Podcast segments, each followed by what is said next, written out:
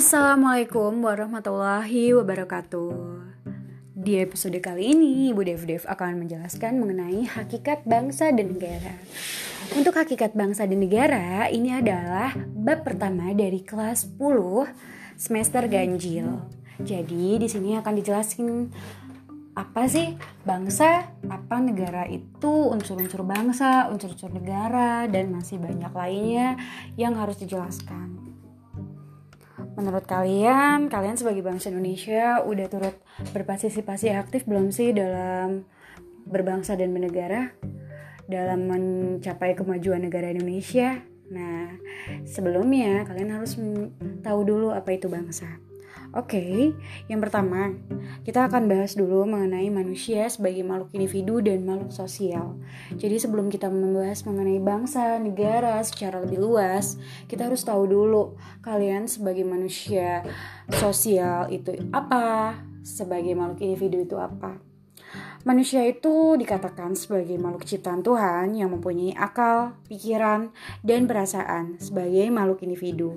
Manusia terdiri atas dua unsur, yaitu unsur jasmani, raga, dan unsur rohani, jiwa. Selain itu, manusia juga ditakdirkan sebagai makhluk sosial yang gak hanya hidup sendirian, tapi juga manusia memerlukan bantuan manusia lainnya. Secara kodrat, manusia itu dapat hidup berkelompok dan mampu bekerja sama dan memiliki nilai solidaritas, persamaan akan nilai kebersamaan, dan nilai berorganisasi tersebut yang menjadikan manusia membentuk kelompok yang besar, yaitu kehidupan bernegara. Kehidupan bersama itulah yang membentuk suatu desa, kota, daerah, dan negara. Jadi, perlu kalian tahu Walaupun kalian sebagai makhluk individu, tapi kalian juga sebagai makhluk sosial. Dan jangan pernah tinggalkan ya kodrat kalian sebagai makhluk yang suka bergotong royong. Karena gimana pun kalian hidup itu membutuhkan bantuan orang lain. Sebagai makhluk individu juga, kalian punya hak pribadi kalian yang harus orang lain tidak boleh ikut campur seperti hak hidup kalian itu seperti mandi nggak mungkin kan kalian mandi dimandiin sedangkan kalian udah mulai dewasa nih kemudian ada juga hak untuk memilih makanan hak untuk memilih kehidupan secara pribadi seperti bersekolah atau berpendidikan kemudian mencari pasangan hidup kemudian mencari kegemaran kalian Jangan sampai kalian hidupnya diatur orang. Tapi kalian gak punya hak untuk mengatur diri sendiri. Jadi terlepas dari itu semua, kalian adalah makhluk individu sekaligus makhluk sosial. Selanjutnya yaitu pengertian bangsa. Bangsa adalah bagian dari rakyat atau sekelompok manusia yang memiliki budaya dan adat yang sama dan dipersatukan karena punya cita-cita yang sama.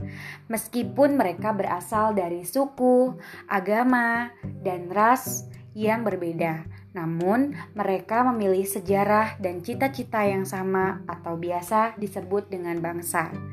Nah, oleh karena itu, terbentuklah bangsa Indonesia, di mana bangsa Indonesia terbentuk atas persamaan cita-cita dan sejarah yang sama, yaitu sama-sama dijajah, sehingga akhirnya membentuk sebuah kelompok dan terbentuklah sebuah bangsa.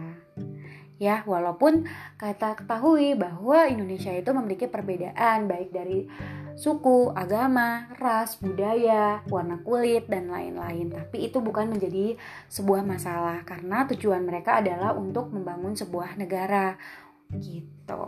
Kemudian, selain bangsa menurut pengertian secara luas, kalian juga harus memahami pengertian bangsa menurut pendapat para ahli. Jadi banyak nih pendapat para ahli, para ahli yang berpendapat tentang bangsa. Coba kita kaji berdasarkan ensiklopedi politik bangsa adalah sekelompok manusia yang mempunyai persamaan sejarah, nasib, cita-cita, suka duka yang sama. Kemudian menurut Efratzel dari Jerman nih, bangsa itu terbentuk karena adanya hasrat tertentu atau adanya keinginan yang sama. Hasrat tertentu Hasrat tersebut timbul karena adanya rasa kesatuan antara sesama manusia dan tempat tinggal. Kemudian yang ketiga, menurut Otto Bayer dari Jerman, bangsa merupakan sekelompok manusia yang mempunyai persamaan karakter. Nah, karakter tersebut tumbuh karena adanya persamaan senasib dan sepenanggungan. Itulah pengertian bangsa. Sudah paham? Kalau belum paham, nanti kalian boleh tanya di email Ibu Devi yang sudah Ibu Devi posting. Kemudian selanjutnya adalah pengertian negara. Negara itu apa sih? Kalian tinggal di negara. Apakah kalian tahu apa pengertian dari negara? Oke, kalau kalian belum tahu pengertian negara atau sudah tahu, Ibu Devi akan tambahkan penjelasannya. Negara itu adalah bentuk dari sekelompok orang yang mendiami suatu wilayah dan berada di suatu pemerintahan di mana dipimpin oleh seorang pemimpin yang dipilih secara bersama atau yang biasa disebut dengan pemilu, pemilihan umum.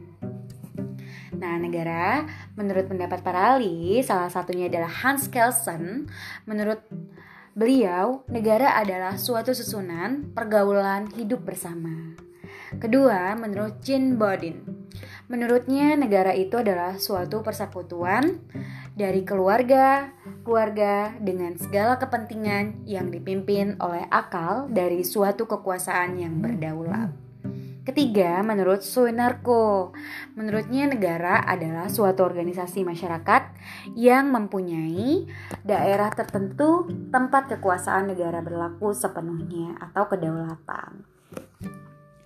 Nah, itu adalah pengertian bangsa dan negara. Juga kita memahami pengertian manusia sebagai makhluk individu dan makhluk sosial. Untuk asal mula terjadi negara dari berbagai teorinya nanti akan dijelaskan di episode selanjutnya. Terima kasih. Oh iya, jangan lupa kalau misalnya kalian belum paham ataupun ingin Anda yang kalian tanyakan, boleh kok kalian email ke email Ibu Dep yang udah Ibu Depi posting. Semuanya terima kasih. Assalamualaikum warahmatullahi wabarakatuh.